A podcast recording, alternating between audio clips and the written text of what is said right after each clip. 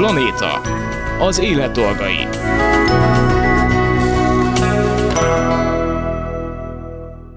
Üdvözlöm a hallgatókat, Laj Viktoriát hallják, és a mai naptól kezdve új műsort hallgathatnak péntekenként 2 és 3 óra között. A Planéta, az élet dolgai című új műsorunkban azt tervezem, hogy együtt kóborolunk majd ezen a Föld nevű bolygón, az emberi és a természeti világban. A műsorban négy rovattal találkozhatnak majd a, a hallgatók, amik heti, két heti váltásban fognak jelentkezni. Mik lesznek ezek? Az ügy. Itt olyan inspiráló személyekkel beszélgetünk majd, akik megtalálták azt, amiért harcolnak, amire feltették az életüket, és amit szenvedélyesen csinálnak. A kertek alatban heti fél órában barangoljuk be Magyarország tájait, eldugott helyeit, természeti kincseit. Kedvet csinálunk a túrázáshoz, és közben felhívjuk a figyelmet az etikus és felelős kirándulásra, a természeti értékek sérülékenységére. Gazdiképző című rovatunkban a pár évig tartó állatbarát alapképzés után mesterszakra fogunk járni, ahol állattani ismeretek, viselkedés, kommunikáció, nevelés, táplálás, jogszabályok és egyéb 있기도 하고. Dolgokat fogunk feldolgozni. Elmélyülő című rovatunkban pedig a világ és a lélek, filozófia és egyéb dolgokban fogunk elmerülni. Az első adásunk első rovatában pedig kirándulni fogunk, kimegyünk egy kicsit a természetbe, és megnézzük azt, hogy tulajdonképpen hogyan is érdemes nekiállni a, a túrázásnak, milyen felszerelést kell vinni, hogyan értelmezzük a turista jelzéseket és egyebeket. A műsor második felében pedig megpróbáljuk megérteni azt, hogy milyen állat is tulajdonképpen a kutya. Kertek alatt. Sok szeretettel köszöntöm a stúdióban Nagy Sándor, aktív túravezetőt egyébként, és a Túravezető Oktatók Sport Egyesületének vezetőjét. Szervusz, és köszönöm szépen, hogy bejöttél. Szervusztok, köszöntök én is mindenkit sok szeretettel. Mert hogy ez tulajdonképpen a, a rovatunk indító beszélgetése, mert itt majd azzal készülünk, a, vagy készülök a hallgatóknak, hogy hetente vagy két hetente kicsit bebarangoljuk Magyarország tájait, és egyébként majd külföldi tájakat is, de hát azért maradjunk először itthon, és kedvet csinálunk talán, remélem, a túrázáshoz a, a hallgatókban is, mert hát a természetben lenni az egy fantasztikus dolog, gondolom ezt te tudod a legjobban, aki a 90-es évek óta túravezetéssel is foglalkozik, meg hát aztán ki tudja, mikor kerültél egyáltalán be az erdőbe. Emlékszel még egyébként? Igen, ez jó kérdés. Emlékszem most, hogy kotorászom az emlékémben. Gyerek gyerekként egyébként nem, mert a szüleimmel nem ez volt az én hobbi elfoglaltság, hanem a középiskolában volt egy tanárom, egy azt hiszem informatika tanár, aki túra szakkört szervezett, és ő vitt ki először gyakorlatilag úgy a természetbe, hogy akkor azt mondtam, hogy wow, ez, ez már valami. Mert egy haverokkal persze elcsellengtünk, de ugye az más volt, és az volt az első, tehát a nagy inspiráció az volt, amikor majd elkezdtem én magam is annak idén 97-ben a túravezető képzést, de az már azért volt, mert addigra már érdekelt a természetjárás. Uh-huh. De ez milyen érdekes, hogy azt mondod, hogy hogy volt egy ilyen wow élményed, és egyébként nekem is volt kettő, és a közelmúltban, tehát az e, egyik tavaly, a másik meg tavaly előtt, mert előtte nagyon sokat kirándultam, én is családilag, meg aztán egyedül is, a kutyámmal azt nagyon szerettem, és mindig élveztem, de nem volt az a, az, az élményem, hogy úristen, hogy így megérkeztél, és egyébként pont az első Szlovéniában volt a Triglavon, wow. ahol uh, kirándultam egy barátommal, és hát egy kicsit el is kavarodtunk, mert egyébként uh, derékig ért a hó, és nem látszottak a túrajelzések, így utólag visszagondolva egy kicsit necces volt az a, az a kis küldetés, de hogy ott éreztem egy ponton, tehát ez nem a csúcsnál van, hanem egy kicsit visszább, mm-hmm. a bohinyító fölött, és ott éreztem, hogyha itt maradnék, itt fává gyökerezne a lábam, akkor boldog lennék. Megértelek, a szlovén alpok az egyik kedvencem, most voltam én is egy bő hónappal ezelőtt, és igen, azt hiszem, hogy az egy olyan, olyan pont, amikor viszünk oda embereket, akik, tehát ott nagyon sokszor van ez, hogy valaki azt mondja, hogy eddig én miért nem, miért nem mentem hegyek közé, vagy miért nem, miért nem választottam ezt hobbimul, hogy, hogy, hogy, természetben vagyok kint, hogy a hegyek között. A kettő nagyon különbözik Igen. egymástól, mert amikor a belföldre viszünk csapatokat, vagy oktatunk túravezetést, ott mondjuk a WoW élmény nem a látványtól jön meg, vagy nem attól, hogy körben és úristen magas hegyek, mint mondjuk akár nektek a Triglavon, hanem a, amit kap tőle. Tehát amikor amikor vége a napnak, és hogy ő feltöltött, és hogy azt itt, hogy el fog fáradni, de valójában frissebb, mint reggel volt, meg hogy mennyire nyugodt, pedig egész héten milyen feszült volt. Tehát itt, itt igazából ettől szokott megjönni, és a látnivalóktól. Míg mondjuk egy magas hegyi környezetben, amit most te is mondtál, amikor elviszük őket Ausztriába, vagy Szlovéniába, esetleg a Dolomitokba, Olaszországba, mm. ott még a látvány, tehát ugye az a, akkor nagyon picinek érzem magamban a végtelen, óriási hegyeknek az ölelésében, és akkor az mindenki ugye, ó, most ki is, meg is liba bőröztem én, én is, hogy itt tényleg, hogy azt a mindenségét, hogy ezt, ezt eddig nem. Úgyhogy igen, abszolút azt gondolom, hogy ott, ott lenni, és, és, és, és megélni azt, hogy mi ennek az egész nagynak a részei vagyunk, akár milyen környezetben, ez egy, az egy olyan élmény, amit sok mindenkiben megindít valamit. Igen, és hát milyen megnyugtató az, amikor érzed azt, hogy mennyire jelentéktelen vagy, ami ugye rossz érzések kéne, hogy eltöltsön, de nem, mert annyi minden tehertől, megfelelősségtől megszabadít, és tényleg egy ilyen tiszta jelenlétet ad az adott helyzetben. De hát most nem feltétlenül megyünk a mai adásban a, a magas hegyek közé, mert hát itthon is rengeteg minden van, és igazából nem is kell feltétlenül, nem tudom, 20 km kilométert megtenni ahhoz, hogy, hogy az ember átélje, vagy milyen a természetben lenni. Sokan egyébként kiszabadultak a Covid után, én úgy érzékeltem, meg úgy hallottam a beszámolók alapján a természetbe, aminek nyilván voltak negatív következményei is, de ez valószínűleg abból ered, hogy nem vagyunk napi kapcsolatban a természettel, meg a környezet, de nem feltétlenül tudjuk, hogy hogy kell bánni, vagy viselkedni ezeken a helyeken. Van egyébként etikett? Abszolút. Reflektálok az elsőre, nagyon jól látod. Én is ezt vettem észre így oktatóként is, a tanfolyamokon, meg amúgy természetjáróként, túrázóként is, a Covid kilökte az embereket egy picikét. És igen, ez egy teljesen normális folyamat, hiszen ugye számukra egy új közeg volt, valóban így, így, így nem igazán tudott mindenki rögtön beilleszkedni ebbe a közegbe, de azért hadd tegyem hozzá az árjába, hogy azért az a helyzet, hogy a nagyon régóta túrázók között sem mindenki még igazán mozog úgy, és, és van ilyen úgy a természetben, ahogy mondjuk az megérdemelni maga a természet is, meg hát azok a túratások, akik egyébként pont azokért mennek, amit most te is elmondta, hogy elmélyülni, egy picit feltöltődni. Úgyhogy igen, van etikett, vannak iratlan szabályai ugye az erdőben járásnak, nem tudom, talán te is láttál már ilyen táblát, hogy a, a tíz parancsolata az erdőben mhm. tartózkodásnak, meg ilyen erdei illem etikettek. Azt gondolom, hogy ez három fő témakörre lehet csoportosítani, az, hogy nyilván tiszteld azt, hogy ott vendég vagy, ezt mindenféle egyéb megfogalmazásokkal szokták. Ott egy, egy olyan állatvilág, élővilág, növényvilág van, amit, amit ne rongálj meg, amit ne tegyél tönkre, ami a próbál meg a lehető legjobban beilleszkedni, azzal, hogy csendben mész, nem üvöltözöl állatokat, nem zavarod, nem mész feltétlenül szükségtelenül le a jelzett útról, vagy bármilyen útról azért, hogy letapost bármi, amit ott van. A másik témakör szokott lenni ugye az egymással való viselkedés, hiszen bárki bármilyen módon van kint a természetben sétál, túrázik, kutyát visz ki, biciklizik, akármit csinál, valamilyen célból ott van, tiszteljük azt, hogy neki, neki az, a, az a célja, és bármennyire is nem értünk vele egyet, ha ő egyébként betartja az összes többi mást, akkor azt gondolom fogadjuk el, és, és ne zavarjuk őt, vagy el is ne akadályozunk abban, hogy azt ott ő végezze. A másik pedig, hogy hát hogyan haszonvételezzünk az erdőből, ezt így mondják a szakemberek, ha valamit gyűjtünk, gyógynövényt, gombát, virágot, ezek viszont már konkrét írott szabályok, és azt gondolom, ezek, talán ezek a, legfontosabbak is, hiszen ezzel tényleg konkrét kárt tudunk okozni. Úgyhogy igen, vannak, vannak ezek, és ezekre érdemes és kell is figyelni. És egyébként hogyan, hogyan érdemes erre az egészre felkészülni, hogy valaki neki lát kirándulóvá válni, vagy túrázóvá válni? Tehát hogy nyilván a kiránduló és a túrázó az két külön kategória, hogyha jól tudom. Ó, igen, sőt, azt szerint vannak, akik ugye úgy, úgy kezdik, hogy tulajdonképpen kimentem sétálni az erdőbe, yeah. kirándulni és túrázni, és akkor ugye ezek olyan fú van, akik nagyon ragaszkodnak ezekhez a határvonalakhoz. Van egy ilyen mondás, azt hiszem én is ezt hallottam egyik tanítomtól, hogy igazából a túlzáshoz csak egy jó bakancs kell. Hát azért manapság ez most már kezd megcáfolódni meg. Most nyilván mindenkinek azt gondolom, hogy ha az a célom, hogy kimozduljak egy épített környezetből, és valahol nyugalomra lejjek, valóban elég egy utcai cipő is, nem kell még bakancse.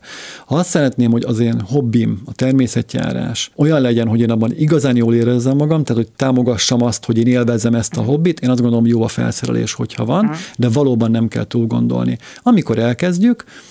azt gondolom, hogy ha egy olyan cipővel indulunk neki, ami azért alkalmas arra, hogy terepen mozogjunk, ad egy biztonságérzetet, hogy nem fogunk majd megcsúszni a köves törmelékes, vagy ne adj Isten sáros úton, az egy nagyon fontos kiindulási alap. Hogyha felül mondjuk még utcai ruhában lesz, megyünk, akkor a legrosszabb dolog, ami történik, hogy megizzadunk, vagy télen mondjuk egy picit elkezdünk fázni. A következő egyébként maga a felszerelés részében tényleg az, hogy olyan öltözékünk legyen, ami azért elvezeti a testizzadságot, szigetel a külső hidegtől, a mozgásunkat nem akadályozza, és akkor harmadik rétegként mondanám hogy az egyéb felszereléseket, hogy egy jó hátizsákunk legyen, és jó hátizsákon belül, de hát erről akár egy külön podcastet is, vagy Húha. külön műsort is tartatnánk, hogy és egyébként mit vigyünk magunkkal a, a hátizsákban, hiszen itt nem csak a felszerelésre kell gondolni, mint egy túrabot legyen nálunk, egy minimális elsősegély felszerelés, vagy legalább egy raktapasz, egy nem tudom valamivel, hanem azzal, hogy például amiközben kimegyünk mondjuk egész nap egy jó túrán, ami mondjuk reggel 9-től délután 5-ig, 6-ig tart, hát azért szeretnénk valamit enni, valamit inni, valahogy felfrissülni, és ha tényleg ezt élvezni is szeretnénk, és ott már egy fizikai kihívás is van, hiszen megteszünk 20-30 kilométer, a testünknek is meg kell adni azt, hogy ezt tényleg bírja, és közben még jól is érezzük magunkat. Egyébként tipikusan így két végletet lehet megfigyelni, hogyha kimegy az ember mondjuk egy olyan erdébe, vagy egy részre, amit sokan látogatnak, hogy van, aki tényleg papucsban, meg nem tudom, farmerben nyomja, és látszik rajta, hogy igazából nagyon szenved, mert mindegyik gyökérben fel, fel akar borulni. És van mondjuk az egyik ismerősöm, aki annyit nem túrázik, de minden a technika és a felszerelés, és úgy neki kell a fejlámpa, a nem tudom, iránytű, a szívószál, a, ami kijön a ugye a hátizsákjából. Igen, hát kell, meg mindent. Van ilyen kis fő- főző felszerelése minden, és közben nem tudom, megy, megy 15 kilométert, tehát egy kicsit túl, túl tolja, Igen, de igen, igen. ezt a két ö, ellenpontot szoktam én felfedezni. De gondolom akkor ez mindig táv és terepfüggvény az, hogy mi fog kelleni Igen, azt gondolom érdemes abból kiindulni, hogy én milyen állapotomban vagyok, tehát hogy alapvetően mennyire vagyok már felkészült, fizikailag felkészült, állóképességben felkészült egy túrára, függ attól valóban, ahogy te is mondod, hogy milyen terepre megyek ki. Ugye a terepnek mindig van egy olyan jellemző, ami nem változik, tehát független az évszaktól, független az időjárástól. Ez a terepnek a tagoltsága, a szabdaltsága, mennyire meredek, mennyire benőtt, ugye növényzettel mennyire benőtt, mennyire lehet könnyen haladni az utakon, tehát mennyire sűrű és jó az úthálózat, és akkor vannak ugye az évszak meg időjárás függő tényezők, amiket viszont a túra reggelén érdemes azért számba venni, hiszen még ekkor sem késő a hátizsákba berakni, vagy éppen, éppen mondjuk kivenni egy előző este berakottat.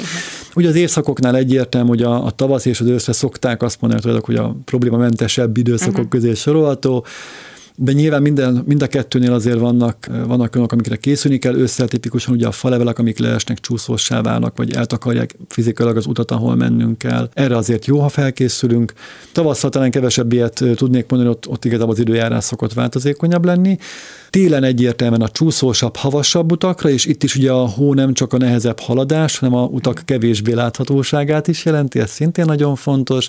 Hát nyáron a nagy meleg, ugye most azért volt ezen a nyáron is nekünk pár olyan időszakunk, amikor azért a 30 fok feletti hőmérsékletek röpködtek, és itt ugye azzal kezdtem, hogy egyéni felkészültség, azért egy, egy ruházattal, egy folyadékpótlással, ha azt jól megtervezem, tudom tompítani annak hatását, hogy egyébként nagyon meleg van, és én uh-huh. mondjuk még érzékenyebb is vagyok a melegre. Tehát ez is egyfajta olyan felkészülés, amit mondtam is, komfortosabbá teszi a tudat, és a végén ugye jobb élménnyel vagy jobb érzéssel térek majd haza. De most már azért elég könnyű dolga van a, azoknak, akik csak nem tudom, tényleg ki akarnak menni rövidebb kirándulásra, hiszen mondjuk egy csomó applikációban, vagy akár, hogyha felütöd a bizonyos túraútvonalat a Google-ben, akkor kidobja, hogy ez mikor járható, mikor nem járható, mikor van lezárva mondjuk. Tehát, hogy gondolom azért ezek sokat dobnak, a, talán az emberek bátorságán is, hogy ez nagyon, ez is nagyon jól látod, igen, ez ugye visszaverza, mint minden az életben, ugye két oldalú vagy divers legalábbis, ez is. Igen, ugye hát a régebben most picit megint visszapörgettem, ahogy a kérdés feltett, hogy azért 25 éve megterveztünk egy túrát márciusban, és májusban elmentünk, és a kettő között semmi nem történt. Tudtuk, hogy elmegyünk, és akkor most reggel, ha láttuk, hogy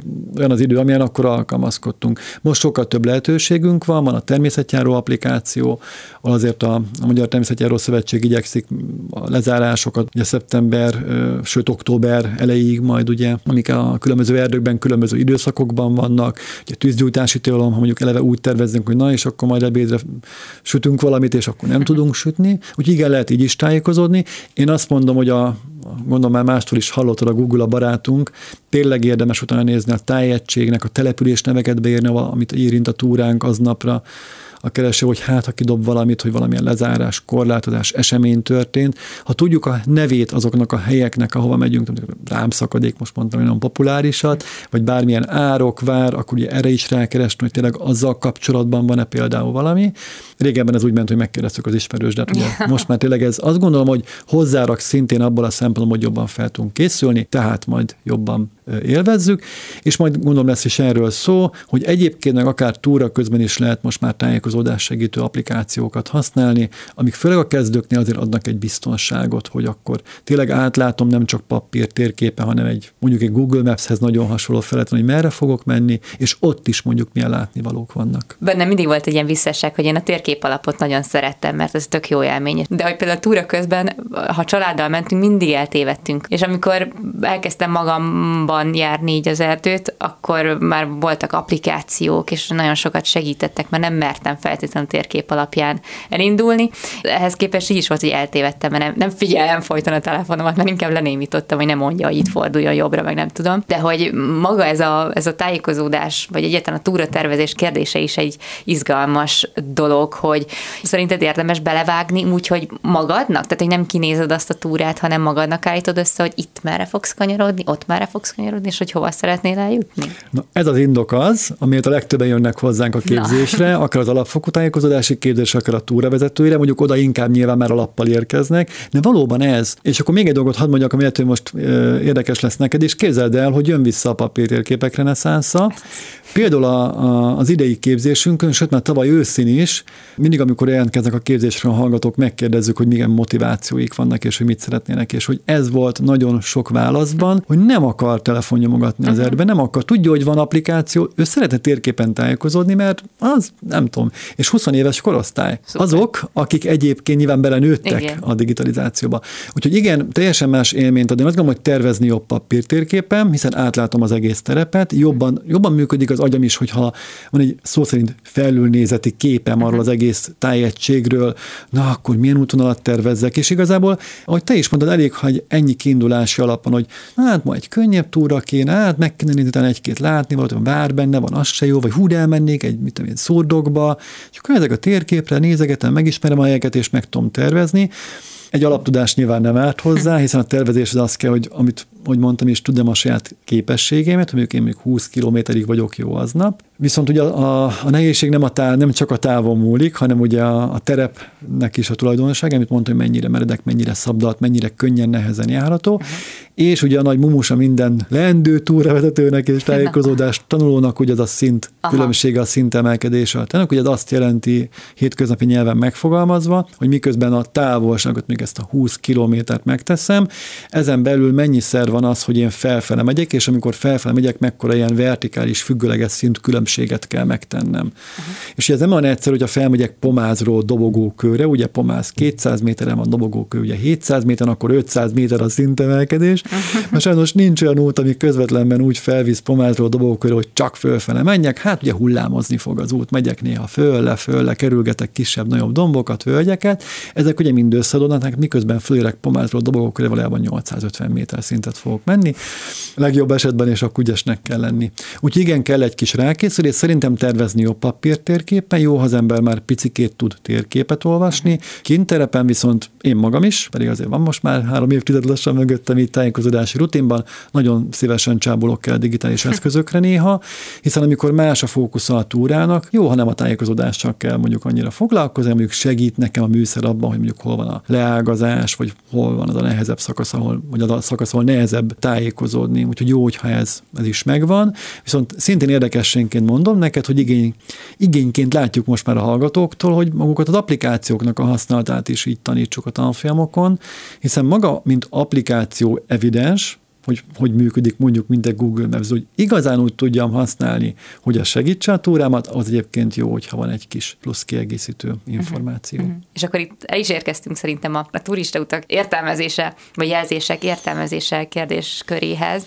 Nagyjából annyit tudunk, hogy a kék vonal az a kék kör jelöli, de hát még ezt sem nem tudom. Igen, igen, jól mondod, ugye, hát Magyarországon egy nagyon jó jelzésrendszer van, azt szoktam mindig mondani a kérdéseken is, hogy Közép-Európa szinten is egy kiemelkedően jó jelzés rendszere van a magyarországi turistautaknak, szín és forma alapúak. A színek is jelentenek valamit, és a formák is jelentenek valamit, és a színek formák együtt pedig ugye exaktul kijelölnek egy utat. A kék szín valóban, ugye te most a kék kört mondtad, mint országos Igen. túramozgalmat. Kék színnel mindenképpen olyan utat kell jelölni, ami valamilyen módon kapcsolódik ugye a valamilyen természetjáró országos mozgalomhoz. Ez ugye, amit te is mondtál, a kék kör, ugye az országos kék túra, a Föld és Dél-Dunántúli kék túra hármasát jelenti az az országos kék kör. Ha nem sávot látsz, nem kék sávot látsz, ami ezeknek a túramozgalmaknak ugye a fő útvonalát jelöli, ugye a kék sáv, viccesen csíknak szoktak mondani, sőt valamikor ugye is hallgatják, hogy megyünk a kéken, jó, de kék min. És akkor kék csíkon, de hát az kék sáv. Na, szóval a kék sáv. Ugye a sávjelzés mindig valamilyen főútvonalat jelöl, és a kék színe van, akkor biztos, hogy valamilyen túramozgalom. Viszont most sem mondta, hogy kék kör nem csak ő lehet, Például van Balatonfelvidéki kék túra, van uh-huh. Kohász kék a Bükkben, Ózdi medencében, tehát hogy vannak olyan egyéb tematikus bőrzsönyi kék például, amik még ugye meg, megkapták engedélyként ennek a kék színnek azt, tehát, de rájuk is igaz, hogy ők is ugye túra mozgalmak, tehát hogy mindenképpen valamilyen túra mozgalom. Van még ugye három másik színünk, a piros, a sárga és a zöld, ilyen sorrendben jelölik a, a fontosságát a, a színeknek is. Piros színnel gyakorlatilag a piros sávot, vagy piros bármilyen utat lát, látunk az erdőben, az mindenképpen egy olyan font fontos útvonal, ami legalább egy teljes tájegységen keresztül megy, vagy több tájegységen is akár átmegy. Képzeld, vannak olyan túra mozgalmak is, Dél-Dunántúli piros, Közép-Dunántúli piros, amik több tájegységen átmennek, mm. több száz kilométeres túra mozgalmakat jelnek vele ugyanúgy. És akkor a zöld-sárga az egyéb, ezen kívül is a, a sárga egy picikét magasabb szintet jelöl, és akkor a zöldre szokták mondani szegényre, de én nem meg szoktam őt mindig védeni, hogy minden más, meg ilyen egyéb. Oh. Úgyhogy a fontosság, és akkor a, a, az alakok nagyon beszédesek egyébként, mm. ugye a sáv a főútvonalat, vannak még főjelzéseink, ők a kereszt, ami összeköt két valamilyen utat, tehát valamilyen színű keresztjelzést látunk, az össze fog kötni két bármilyen más turista utat, és van egy ilyen szabály, hogy mindig a magasabb szintűnek a színét veszi fel, még egy zöld keresztet látok, akkor zöld sávot, meg valamit még össze fog kötni nyilván vagy zöld, bármilyen jelzést és egy másik színű okay. bármilyen. Jó, van még a, a háromszög és a négyzet, ők is följelzések, ugye a háromszög a alakjából kiindulva valamilyen csúcsra vagy kilátópontra fog minket vinni, a négyzet valamilyen lakott területre, vagy valamilyen menedékházhoz, turistaházhoz, mm-hmm. és ők egyébként bármilyen furcsa bár alakjuk van, de főjelzések, tehát ugyanúgy saját útvonalat ki lehet jelölni egy, egy háromszög, vagy egy négyzet jelzéssel is. Jó példa erre, hogy egy falunak a buszmegállójából egy zöld háromszög jelzés, vagy egy sárga háromszög háromszög jelzés, fel fog menni egy közelben lévő csúcsra, és ő nem találkozik út közben semmilyen más jelzéssel, hiszen mint főjelzés önállóan ezt meg tudja így oldani. És vannak kiegészítő jelzések, ezek a forrásokhoz levezető, várromhoz levezető jelzések, ugye a forrásnak a kis köröcske, a várrom az a kis elbetű, mint egy rom, rom piktogram lenne, ugye, és van még a barlangjelzés, ami valamilyen sziklőrekhez, barlanghoz, vagy kőfülkéhez, tehát valami ilyesmi jellegű látványossághoz visz. És a leggyakoribb még, ami elő szokott fordulni az erdőkben, az a körsétaút, ami nagyon hasonlít a forrásjelzéshez, de nem egy sima kör, hanem egy önmagában mutató kör alakú vonal, ugye körsétaút. Azért jó, ha ezt például felismerjük, mert ugye a körsétaútnak az a jellemzője, hogy önmagában tényleg visszatér. Tehát most mondok egy példát, kiszállunk a kocsiból, mert már úgy megnyújtóztatnánk magunkat, és látunk egy körsétaút jelzés, és van időnk, elindultunk rajta, nem lesz túl hosszú, 2-3-5 kilométer maximum, és vissza fog térni önmagába, tehát ahonnan indultunk, úgyhogy bátran akár térkép nélkül is elindulhatunk. A ugye tanösvényt szokták megjelölni? A tanösvényeknek nincs exakt jelölése, a tanösvényekre az a mondás, hogy igazság szerint a, a tanösvénynek a készítője használt bármilyen piktogramot, sziluettet, használt egy sima T-betűt. Például a béka a merzsemocsárnál. Na például igen, ő is, vagy a bükkben van az egyik kedvenc tanösvény, egy kis, egy kis Genevier, Batman, oh. Batman jele van oh. például. Vértesben Csák, Csákvár fölött a a cselszemölcés, boroszlántanösvény, úgyhogy nagyon sok ilyen piktogrammos is van, de mondom a T betű, sőt ez a átlóval áthozott vonal is például alkalmas tanösvények. Uh-huh. Tanösvényeknél azért van jó, vagy könnyebb dolgunk talán, mert hogy egy tanösvény azért táblázással is jár, és ha van tábla, ott azért már tájékozódhatunk, hogy mennyit kell majd mennünk, és hogy milyen jelzéseken visz minket majd végig. Igen, most hirtelen eszembe jutott, hogy Ausztriában, meg Szlovéniában is csak ez a piros pont igen, van, igen, aztán, igen, igen, mindenre igen. azt húzzák rá, és ugye táblával van. Igen, hiszen egy magas hegyi környezet, ugye magas hegyen, ahol ugye nagyobbak a színkülönbségek, veszélyesebbek, ugye veszélyesebb letérni egy útról, hiszen uh-huh. egy gerincről, legurulsz helyről egész egyszerűen. ugye ott, ott ennyire szofisztikáltan nem kell, ott, hogy te is mondod, például ugye egy, a piros szín az alap, ugye két piros sáv között egy fehér sáv, néha egy útnak a száma benne van például. De mondjuk, ha elmész, a magyarok egyik kedvenc kiránduló helyre a Raxra, ugye a Soproni határ átkelőz a legközelebb eső kis magas hegység, uh-huh. ott például a, a hágóból, Preiner hágóból elindulva ugyanúgy vannak sárga jelzések is, mert nem középhegységi környezet, hiszen magas hegy vastagon, hiszen 1000 méterről indulunk, és 2007 a Hojkuppe a csúcsa, de mégis ugye ott ki lehetett jelölni ilyen kis fenyvesekben, kanyargó, egyébként szuper szép imádok arra járni én is útvonalakat, és akkor ott nem ezzel a piros magas hegyi jelzés, hanem ugyanúgy színekkel, sárgával, meg zölddel mutatják meg az utat. Nagyon szépen köszönöm Nagy Sándor túra vezetőnek és a túra vezető oktatók sportegyesületének a vezetőjének, hogy eljött hozzánk, és mindezeket elmondta. Köszönöm én is, és hát bízom én, hogy ha már akár egy hallgatóval is átfordult az, hogy megyek és megismerem a természetet, akkor már szerintem megérte ez a beszélgetés. Köszönöm szépen. A Nagy Sándor túravezetővel a jövő héten folytatjuk a beszélgetésünket, amikor is vezetett túrákról, illetve magáról a túravezetés miben létéről fogunk beszélgetni. Planéta. Az élet dolgai.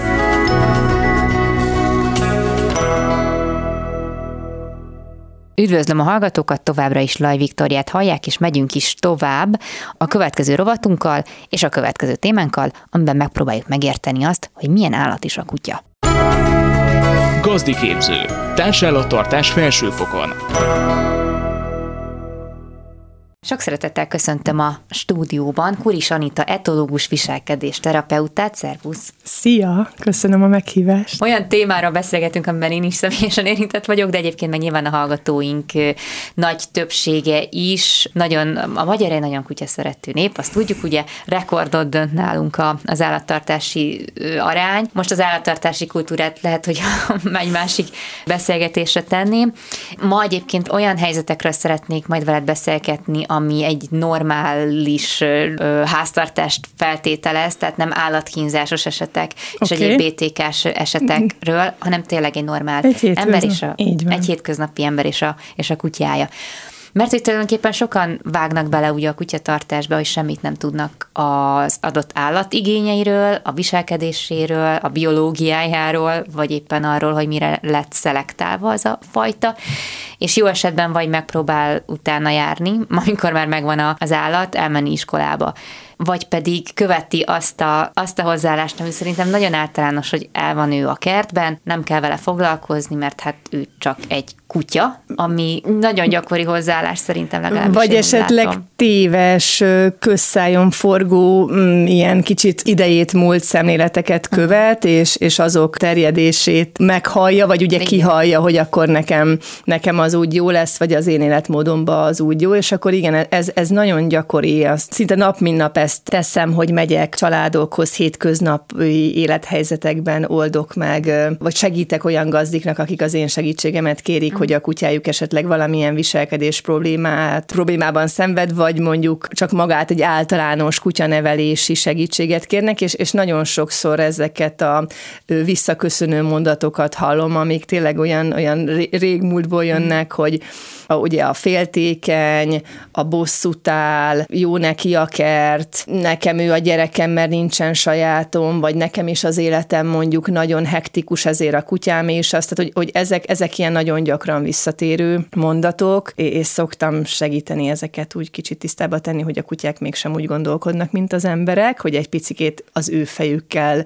tanuljunk meg gondolkodni, mert csak úgy tudok segíteni, ha értem, hogy mi van az ő fejében, csak úgy tudok a, a segítője, vagy esetleg a vezetője lenne. Ugye ez a falka vezér dolog is egy ilyen nagyon klasszikus mondat, és ez is azért most már tudjuk, hogy nem állja meg a helyét, hiszen egyrészt nem tudok egy másik fajnak a falka vezér, hiszen ő egy kutya, ugye Canis familiaris, az ember mellett élő legelső házi állatunk ilyen formán a, a családhoz tartozó nevet is, így a, a latin neve is hordozza, és az ember pedig egy másik faj, tehát nem tudok egy, egy másik fajnak a falka vezére lenni, én a vezetője lehetek, a segítője lehetek, az a személy lehetek, aki, aki mondjuk felismeri, hogy ő bajban van, és, és segítségre szorul, és mondjuk segítek abban, hogy ne ő döntsön, ne ő keveredjen bele egy konfliktusba, de ehhez ugye értenem kell, hogy mi van a kutya fejében, amiben segít, hál' Istennek a testbeszéde, de ha nem, nem értem a testbeszédét, vagy nem figyelek oda, mert esetleg telefonálok, vagy nem tudom én más csinálok, akkor nem látom, hogy a kutyám testtartása azt üzeni, hogy ő nincs jól, mert ugye nagyon, nagyon,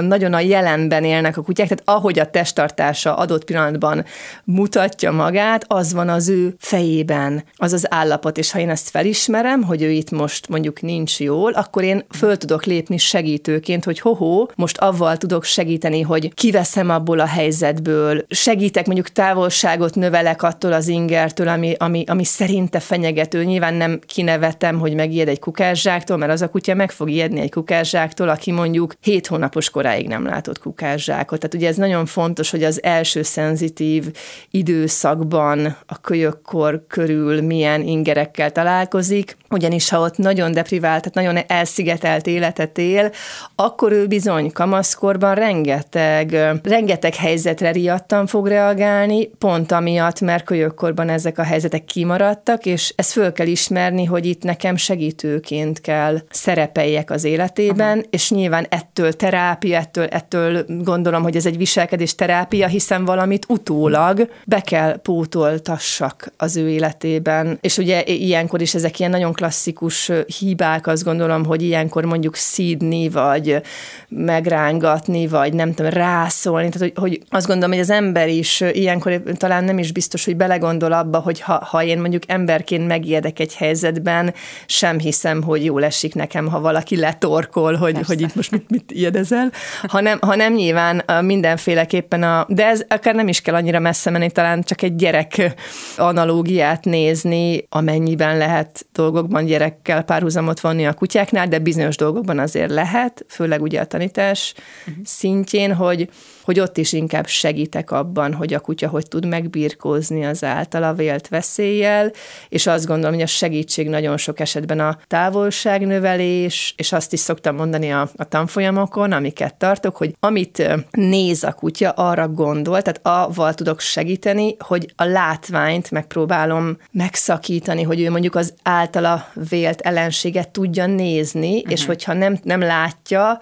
akkor már talán ki tud zökkenni abból a beszűkült mentális állapotból, amiben mondjuk egy pánik helyzetűt vitt te. Ú, ez nagyon érdekes egyébként, amit mondasz, nagyon sok mindent jutott eszembe erről, de főképp egy példa, ami a, hogy az én egyik kutyámnak van, eh, ahol szoktunk sétálni egy ős ellensége, de tényleg megmagyarázhatatlan okok miatt számomra nem szimpatikusak egymásnak, uh-huh. és amikor meglátják egymást, fixálják nagyon uh-huh. erősen, uh-huh. és a közelel megyünk, most már eljutottunk odáig, hogy el tudunk egymás mellett sétálni. Uh-huh. De hogy mondjuk ilyen esetben, tehát hogyha beállok és fizikai akadályt képezek mondjuk a másik kutya látványa és az én kutyám között, akkor az a kizökkent? Ö, ez nem, sajnos nem ilyen egyszerű. Mhm. Egyrészt emögött én látok egy mintázatot, tehát hogy ez már egy cselekvés mintázat, amikor én mindig mindent ugyanúgy csinálok. Minden nap a kutya futtatón azt az állatot, amikor látom, én mindig ugyanúgy befeszülök, ettől van egy mintázat. Tehát ahogy az embereknél is kialakulnak szokások, mindig a piros papucsot veszem föl keddenként.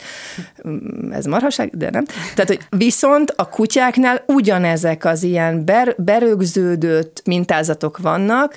Ez azt jelenti, hogy volt egy első kiváltó oka annak, hogy ő avval a kutyával ott első alkalom összefeszült. Nem tudom, részleteket nem ismerem, ahhoz tudnom kéne, de biztos volt egy valós uh-huh. indok, majd utána mintázattá vált ez a fixálás. Tehát ilyenkor erre mondom a terápiát, hogy megértem a gyökerét a viselkedésnek, és elkezdem közömbösíteni a kutyát az ingerrel szembe, tehát olyan gyakorlatokat, feladatokat, szituációkat teremtek, pontosan a távolságjátékkal és a, és a láthatóság játékkal, hogy elkezdjen semlegesség irányba menni a dolog, hiszen nem a, a játék a feszültségnek a párja, hanem a semlegesség. Okay. Tehát ez egy nagyon fontos dolog, hogy hogyha egy kutya reaktív egy másik felé, akkor nem biztos, hogy mindig minden kutyához oda kell engedjem, hogy játszatok egy jót. Mert attól a reaktivitás nem biztos, hogy csillapodik, átveszi egy másik izgalmi állapot a helyét. Én inkább azt gondolom, hogy tanulj meg a piros troli mellett úgy elmenni, hogy az csak egy postaláda, vagy az csak egy háztöm. Tehát, hogy nincs dolgod a kutya szerint minden inger veszélyes. Tehát uh-huh. nekem az a dolgom, hogy az adott ingert, legyen az egy másik kutya, legyen az egy jármű, legyen az egy ember, tehát azt az ingert, ami számára veszélyt jelent, abból az ingerből én egy semleges dolgot kreáljak a folyamat során. Nincsen jelentősége a fajtának, hogy ki jön szembe, nincsen jelentőség. Ugye a, a szembejövő kutyának a viselkedésének lehet hatása az én kutyám viselkedése, hiszen ha ő is bajba van. Tehát ő is reaktív, és az enyém is reaktív, akkor ott, akkor ott mindenki pánikba Igen. van.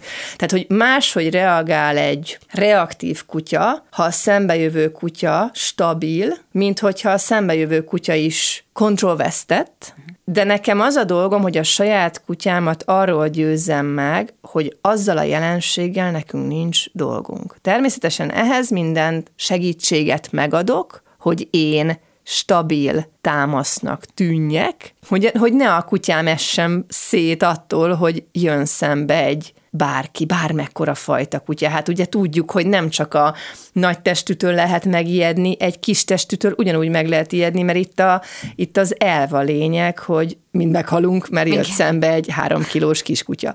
Hogy és akkor ezen szoktak ugye a gazdik mulatni, hogy hát de nem értem, hogy miért esik pánikba, hát az csak egy három kilós kölyök kutya. Én azt értem, de a te kutyád magát a helyzetet nem tudja kezelni. Ez olyan, mint egy szorongó ember. Hát a szorongó embernek is elmondhatod, hogy de hidd el, hogy nem ragadsz be a liftbe, attól még ő a liftbe félni fog. Ez egy kicsit, kicsit más, hogy közelítendő meg, és ettől terápia, hogy, hogy elkezdem az érzékenyítést megfelelő tempóban építeni, és ezt nagyon jól lehet, tehát erre vannak gyakorlatok, de mindig figyelned kell, hogy a kutyát hogy van, és azt szerint alakítod a gyakorlatok terhelését, és az ingernek a közelségét, hogy a kutyád a jelen pillanatban hogy van. Tehát, hogy ez na- nagyon, nagyon látszik, hál' Istennek, mivel nem hazudnak és nem tudnak uh, mimelni, uh-huh vagy hát legalábbis ösztönhelyzetben semmiképpen. Nyilván manipulálni tudnak bennünket, meg befolyással próbálni ránk lenni, de amikor helyzet van, akkor azt látod a viselkedésen, ami az ő belső valósága, és akkor ott tudsz játszani avval, hogy akkor most mekkora segítséget adja az adott gyakorlattal. De egyébként ez, hogy azt hiszi, ha jön szembe bármilyen helyzet, hogy mind meghalunk, ez valahol azért visszavezethető arra, hogy ő az, az én,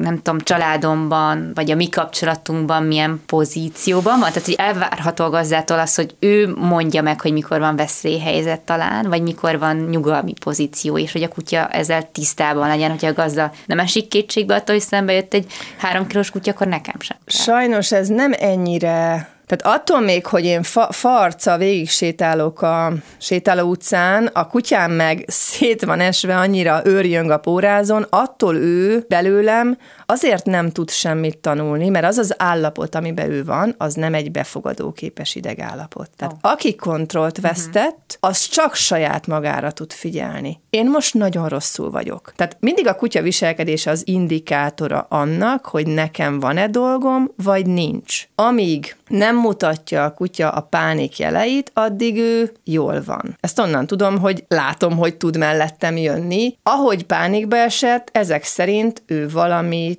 veszélynek él meg, ebben nekem változtatnom kell a körülményeken úgy, hogy ő neki visszaálljon a belső állapota bele, nagyon belekaptunk ebbe a, ebbe a reaktív témába, bele. pedig úgy gondolom, hogy, hogy ugye egy kicsit messzebbről is tudunk indítani, és a reaktivitásnak is az, a, az az oka, hogy ugye, ahogy mondtad is az elején a beszélgetésnek, Magyarország, és ráadásul a Covid óta valami 50, nem tudom, 4 százalék lett a lakosság kutyatartó lakos, tehát a kutyá, kutyás szám.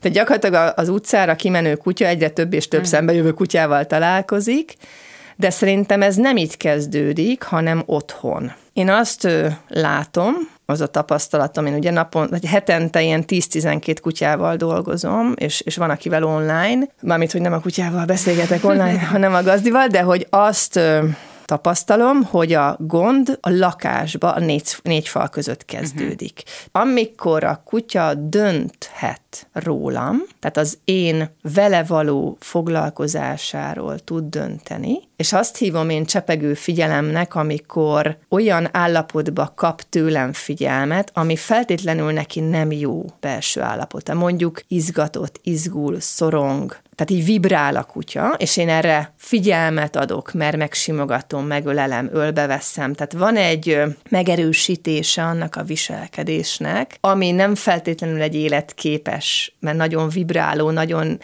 izgatott viselkedés, hogyha ezt én a négy fal között a hétköznapokban megteszem, már pedig, hogyha egy 24 órából azt nézzük, hogy a kutya mondjuk jó esetben három órát sétál, akkor még mindig marad 21 óránk együtt, főleg ha valaki homofizban van. Tehát, hogyha nagyon sok olyan helyzetben kap a kutya megerősítést tőlem, amikor ő izgatott, izgul, vagy nincs jól, akkor utána az utcán, amikor valós döntések kellenek, hogy jön a busz, jön a troli, jön a kutya. A valós döntéseket ki fogja tudni kezelni, kontrollálni, hogyha az otthonomba a kutya engem nagyon sok helyzetben kontrollál, követ nézzünk egy egész 24 órás napot, és nézzük meg a napban a kutya szemszögéből a világot, akkor ő miért tudna egy kávéfőző és egy villamos között különbséget tenni?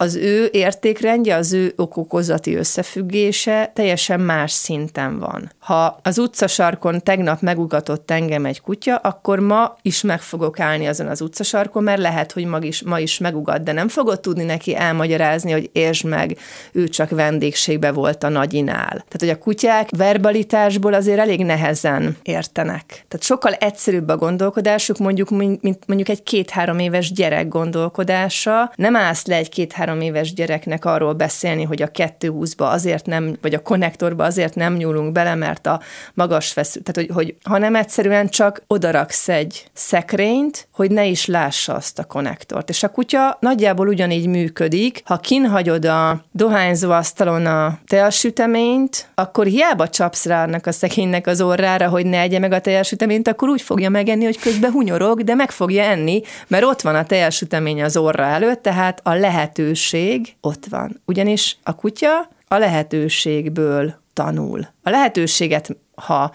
sikerül végrehajtani, ez ad egy rendszerességet, ebből lesz egy szokás, és a szokást baromi nehéz megváltoztatni, hiszen nekünk is ugye nagyon nehéz a szokásainkon változtatni, a kutyáknál ugyanez van, tehát ott is a, egy lehetőségből alakul egy nem kívánt viselkedés. És azt vettem észre, hogy az első sikeres, tehát sikeresen végződő lehetőség akkora lenyomatot hoz, mondjuk egy új kanapéra fölugrás, hogy onnantól az első élmény nagyon meghatározó uh-huh későbbiekben. Nyilván erre nem titok, a megoldás, a lehetőség, megvonás, magyarul a, a hozzáférésnek a gátlása, nem pedig a büntetés, hiszen utólag semmi nem értelmezhető. Egy utólagos büntetés, ez egy kutya fejében nem, nem lát relációt a két dolog között. Fölfekszem a kanapéra, alszom fél órát, hazajön a gazdi, jól elkalapál,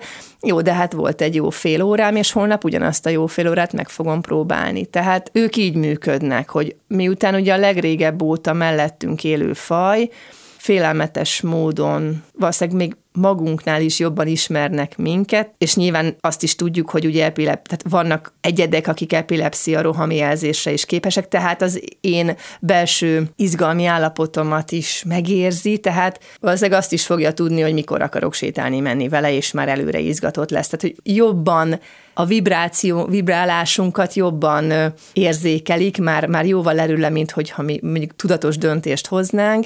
Ebből a szempontból ők azok, akik, akik a lehetőséget nagyon jól kiaknázzák. Meg hát egy, minden nap félre lehet a kutyámmal érteni egymást, szerint én úgy tudom, hogy nagyon rosszul is következtetnek. Tehát pont az, amit mondasz, hogy ha hazamegyek, és azt láttam, hogy szétrágta uh-huh. a mhm. kertben, a nem tudom, Igen. a kiteregetett ruhát, és utána leszidom, Igen. akkor lehet, hogy ő ezt ahhoz fogja kapcsolni, hogy rajtam piros ruha volt. Ö, nem, nem sajnos hogy... ennél még rosszabb, mm. hogy, hogy megjössz, és ilyenkor szoktál mérges lenni, amikor megjössz, tehát igazából igen. a megérkezésed, és ugye a to- mm. tovább tetőzvén a félreértéseket, amikor te érkezel meg, és a kutya mondjuk a szétrágott, nem tudom én, függöny mellett van, és te érkezel meg, ilyenkor szoktam kikapni. Tehát van egy mintázat, hogy a gazda megérkezése, ráadásul úgy, hogy itt van mellettem egy szétrágott függöny, ez a látkép, amikor te mondjuk mérges vagy, akkor a kutya már eleve behelyezkedik egy ilyen bűnbánásnak definiáljuk, humán vélemény szerint. A valóság ennek egy nagyon egyszerű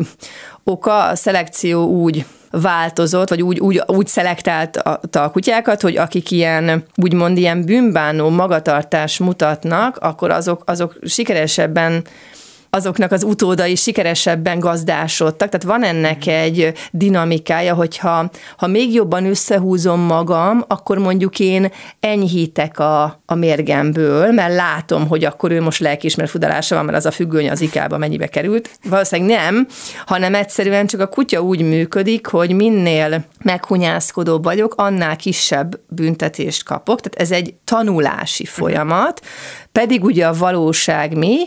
Én vagy szorongtam napközben, vagy csak unatkoztam napközben, mert mondjuk 10 percet voltam reggel pisilni, és egyébként 8 órája itthon vagyok, tehát szétvetett az unalom, vagy ténylegesen szorongtam, mert esetleg nem tanultam még azt meg, hogy hogy legyek otthon jól egyedül. Ettől megjelent egy kölyökkori magatartás, a rágás, mint ugye egy belső önnyugtató, mintha én rágyújtanék egy cigarettára, nem fogok, mert nem dohányzom, de hogy a kutyáknál ugyanez a, ez a kölyökkori önnyugtatás, hogy én most rágcsálok, ott délután kettőkor, az őt valamilyen mértékben megnyugtatta, vagy mondjuk bepisilt az ágyamba, miért bosszú, tehát nem, nem állt bosszút, őt olyan, ő olyan nyomorultul érezte magát napközben, és annyira szorongott az egyedül léttől, mert lehet, hogy ugyan már felnőtt kutya, de nem tanult meg egyedül lenni. Ezért a szakkatlanom, ami ugye az ágyamba van, ott még volt friss szagom, egy-két órát, aztán az is elmúlt, aztán, aztán már nem tudott mit szimatolni, hanem azért pisilt be, mert az is egy kicsit önnyugtató, uh-huh. amikor én a kölyökkori pisi szagomat érzem, és aztán én megjöttem négykor, és tiszta mérges lettem arra, hogy mit látok, és jól leszítem azt a szegény kutyát, aki igazából órák óta nem volt jól, és akkor még ugye én is ki tolok vele. Tehát, hogy erre mondom, hogy ismerjük föl az okot, és változtassunk a körülményeken. A szídás, a büntetés, az még távolabb taszít minket egymástól, ugyanis az megint a meg nem értés irányába megy, mert nyilván az egy belső dühöm, hogy drága volt, vagy most moshatok, tehát hogy van egy embernek egy belső feszültsége, viszont a kutya értékrendje nem ebben méretik, hogy drága holmi még egy játék, hanem ugye közös séta, olyan életmód, ahol ő kutya tud lenni. Ez egy nagyon fontos szemüveg, hogy mire gondol a kutya, és mitől jó egy kutyának a napja, hogyha ő kutyaként élhet. A lakásba nem tud önfelett kutyaként élni, mert ott valószínűleg a rágás és az ásás nem annyira vicces, meg a rohangálás se. És aki a lakásba rohangál, az valószínűleg a lakásba pisilni is könnyen fog, ugyanis az a fiziológiás állapot, hogy futkározok, behozhatja az ürítést. Uh-huh. És akkor az nem a szobatisztaság számlájára, vagy a szobatisztátalanság számlájára íródik, ugye tévesen gondolják, hogy kilenc hónapos és még nem szobatiszta, vagy mondjuk két éves és újra bepisil, semmi köze a szobatisztasághoz, ugyanis ő nem visszatartási nehézség miatt űrít be, Egyrészt ugye lehet ennek orvosi oka, tehát mondjuk az ivartalanítás miatti inkontinencia, az egy dolog, de hogyha ő viselkedés, változás, mondjuk költözés, családszerkezet változás, családban esetleg halál, vagy kisgyermek érkezik. Tehát, hogy valami életesemény változik, a kutya elkezd de ugye ezeket a változásokat azért magára nézve terhelőnek megélni, mert az a kutya, aki ezt a bizonyos csöpögő figyelmet sokat tudja velem, tehát nagyon nagy felelősséget vállal az életembe. Annak egy költözés, egy gyermek, nagyon sok ilyen családhoz járok, ahol jön a baba, vagy már van, vagy. Tehát az egy nagyon nagy stressz a kutyának és akkor esetleg az űrítés jelenik meg, vagy ne Isten az agresszió jelenik meg. Tehát valahova kifut ez a feszültség. Akkor ugye nem elkezdem a harapós kutyámat még jó kupán vágni, mert attól csak még harapósabb lesz, hanem elkezdem megérteni, hogy miért vállal ő ekkora felelősséget. Tud ő kutya lenni? Vagy ő éppen egy csecsemő szerepet tölt be? Tehát ő kutya igazából az én családomba? A szó ragadozó értelmében, vagy valami teljesen más. Egy gyerekpótlék, egy társpótlék, nagyon, ugye nagyon sok sok ilyen helyzetet is látok, hogy, hogy valami más szerepben van a kutya, és ha más szerepben van a kutya, ott általában meg szoktak jelenni ilyen viselkedés zavarok. Az is lehet egy viselkedészavar, hogyha valamit a kutya túl sokat csinál. Tehát minden, ami ilyen túlzás, mondjuk kényszeres, gyakori, az is egy ilyen pótcselekvés, az is valami belső feszültségnek lehet. Tehát, hogy ezért mondom, hogy én ezeket így szeretem így nagyon szétboncolgatni, hogy mi van ott a háttérbe. Mert ahogy, ahogy nyilván a társammal bánok, vagy a gyerekemmel bánok, úgy fogok a kutyámmal is bánni, és azt a tükröt kaphatom vissza, ami ott a családdinamikában megmutatkozik. Tehát a kutya mindent okkal csinál, nem bosszúból, nem féltékenységből, nem kiszúrásból, hanem ők eléggé ön, önközpontúan gondolkodnak, tehát ő nem fog, a, nem fog tiszteletbe tartani egy nem tudom én drága holmit, ha neki, neki van egy belső rosszul léte, akkor ő a, csak a saját belső rosszul létével tud foglalkozni. Az elmúlt fél órában Kuris Anita, etológus viselkedésterapeuta volt a vendégünk, és most mi ennek a műsornak a végéhez értünk, de hát Anitával egyáltalán nem értünk a beszélgetésünk végére. A jövő héten folytatjuk, és lényegében ebből a kérdésből fogunk kiindulni, hogyan élhet a kutya kutyaként a mi családunkban, vagy a mi életünkben. Neki a beszélgetést köszönöm, önöknek pedig az egész órás figyelmünket. Remélem, hogy a jövő héten találkozunk. További kellemes rádióhallgatást és jó hétvégét kívánok. Laj Viktoriát hallották, viszont hallásra. Planéta. Az élet dolgai.